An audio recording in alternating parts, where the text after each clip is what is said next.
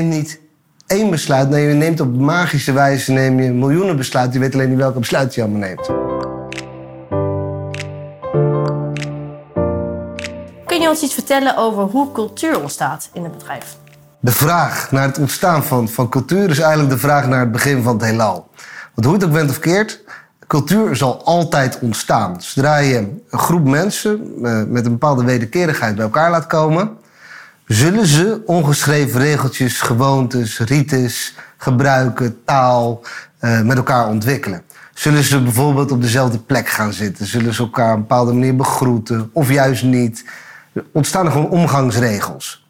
Uh, dus ieder bedrijf heeft daarmee ook een bedrijfscultuur. Ook als je die niet managt, ook als je die niet omschreven hebt, die is er gewoon. En die bedrijfscultuur zal dus ook anders zijn dan die van andere bedrijven. Um, de definitie van cultuur is misschien wel eigenlijk gewoon een verzamelbak van een heleboel losse dingen. Dat is van de taal die gebruikt wordt.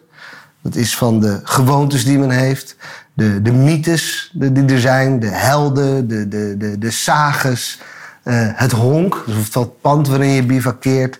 Hoe je omgaat met tegenslag. Hoe je successen viert. Hoe je omgaat met uh, persoonlijk leed, met vertrek, met afscheid, met dat het weekend is of dat de week weer begint. Um, hoe je omgaat met beoordelen. Letterlijk, alle ongeschreven regeltjes van zo'n groep mensen is allemaal cultuur. En zal zich op een bepaalde manier gaan ontwikkelen ook door de tijd heen. Naarmate die organisatie gaat groeien of de, de, de, de, de groep groter wordt, zul je zien dat die cultuur ook gaat, uh, gaat bewegen, gaat glijden. Op een bepaald moment ga je ook voelen bij een, uh, bij zo'n groep mensen dat ze zelf eh, behoefte hebben of krijgen om die cultuur te vatten. Dan krijg je bijvoorbeeld uh, uh, taalgebruik als nou, hij of zij is een echte koelbloer. Nou, en daarmee wordt dan ook impliciet verondersteld dat iedereen in de Kamer weet wat een, een echte koelbloer is. Nou, gewoon, je weet wel, zo'n echte koelbloer. Um, en dat heb je, zelf, dat heb je misschien ook bij, bij voetbalclubs, een echte Feyenoorder. Ja, wat is dat dan, een echte Feyenoorder versus een echte Ajaxiet?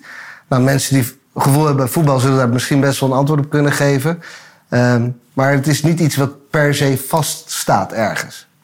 Nou, precies toen die uh, dynamiek, dat kwam bij ons denk ik rondom ergens tussen een mannetje of 50, 80 groot werd, kwam er echt een, een, een roep in de organisatie om, ja, om dit te vatten. Uh, meer ook dat je op een bepaald moment ook gewoon behoefte hebt om echte coolbluers aan te nemen. En dan is het ook wel prettig als andere mensen dan jezelf daar iets over kunnen vinden bij bijvoorbeeld een sollicitatiegesprek. Wat we toen zijn gaan doen, is eigenlijk uh, zo goed mogelijk proberen te vatten wat de cultuur van Coolblue is. En dat, is, dat, dat vatten dat doe je met, met taal en dat doe je op papier.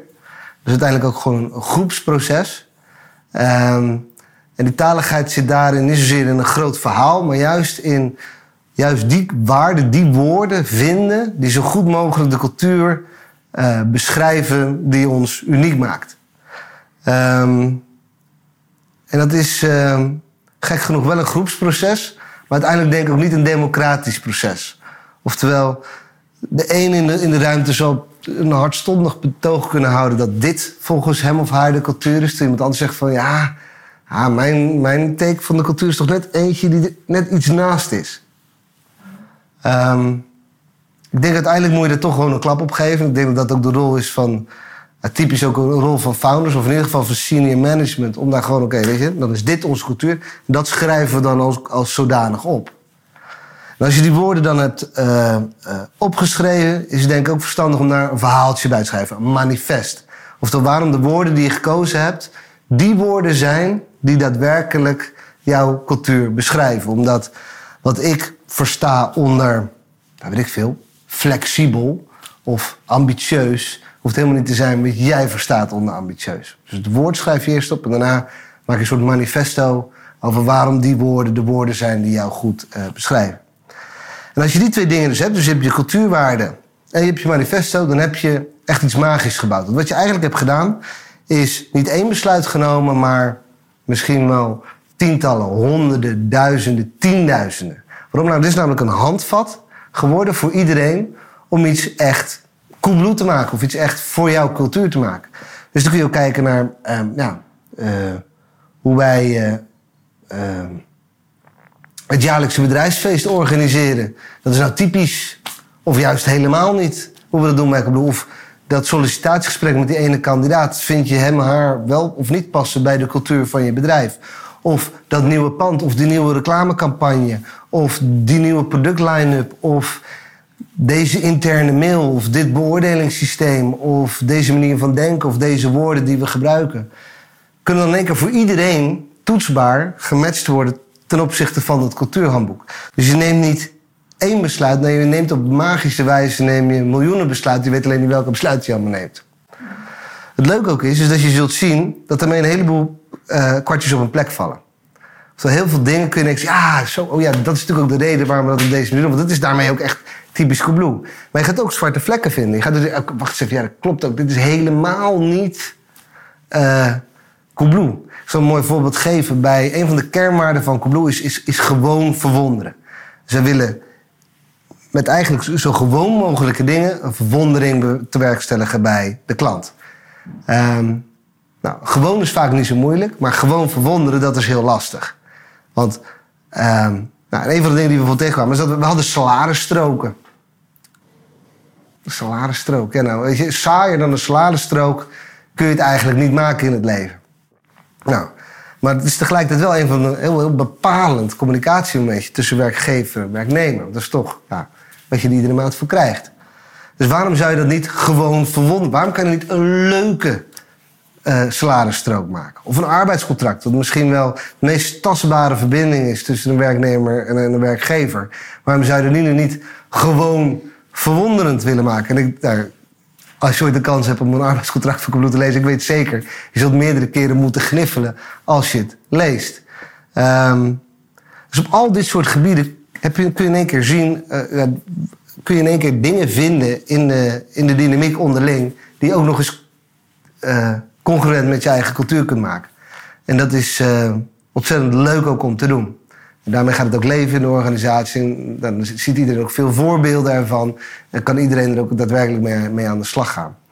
Dus uh, het maakt het bedrijf ook letterlijk veel schaalbaarder. Wat levert het vastleggen van zo'n cultuur nou op? Ik denk dat je daarmee terug moet gaan. Wat zou er gebeuren op het moment dat je het niet doet? Wat gebeurt er dus niet doet? Nou, we hebben eerder vastgesteld, cultuur ontstaat. Weet je, het zal er zo zijn. Alleen het lelijke is op een bepaald moment dat als je organisatie gaat groeien en je gaat niet je cultuur managen, zul je allerlei subcultuurtjes gaan krijgen. En omdat het cultuurtjes zijn, zijn cultuurtjes, zeker subcultuurtjes van elkaar, zijn per definitie niet heel makkelijk om op elkaar aan te laten sluiten. Um, en dat betekent dat je, dat je strijd krijgt, stammenstrijd, bloedgroepenstrijd, noem het maar op. En dat is allemaal frictie. Dat is ook nog eens frictie die heel moeilijk te managen is, want hij is niet transparant. Dus nee, ja, dat is een eentje van uh, finance. En die doen altijd heel erg moeilijk. Weet je, dat soort dingen. Dus je uiteindelijk wil je dat mensen zich onderdeel voelen van één groter uh, geheel. Gaat het helemaal lukken? Nee. Zeker niet als je organisatie over verschillende kantoren verspreid is. Of over uh, verschillende werkzaamheden moet, moet uitoefenen. Waardoor er andere mensen met andere achtergronden er zitten. Weet je, software development achtergrond versus een logistiek achtergrond. zijn natuurlijk andere type mensen.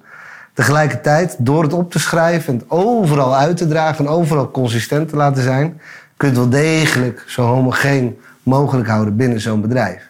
En dat is, uh, maakt het bedrijf gewoon heel veel schaalbaarder en managebaarder. En ook denk ik ook heel veel leuker. Want het is namelijk ook iets waardoor mensen zichzelf erbij kunnen selecteren. Het werkt aan twee kanten. Je zult zien dat als je een goede, uitgewerkte, uitgekristalliseerde eh, cultuur hebt, zul je zien dat die mensen die heel goed bij de cultuur passen, zullen zich daar als een vis in het water voelen, zullen zich heel graag daarbij willen blijven. Dus die, gaan niet weg. Mensen die niet bij passen, die zullen het vervelend vinden, die voelen zich daar niet thuis, dus die gaan wel weg. Um, maar tegelijkertijd ook mensen in de arbeidsmarkt die dat zien. Hé, hey, dit past bij mij. Dit spreekt mij aan. Hier wil ik me toe verhouden. Hier wil ik uh, voorwerken, bijwerken. Wil ik solliciteren. Uh, en daardoor krijg ik een soort self-fulfilling uh, prophecy. Dat het ook uiteindelijk die mensen bij elkaar brengt. Die ook op die manier met elkaar om willen gaan. Dus dat is, dat is echt goud. Dus wat levert het op? Dat is gewoon heel simpel een heel goed bedrijf.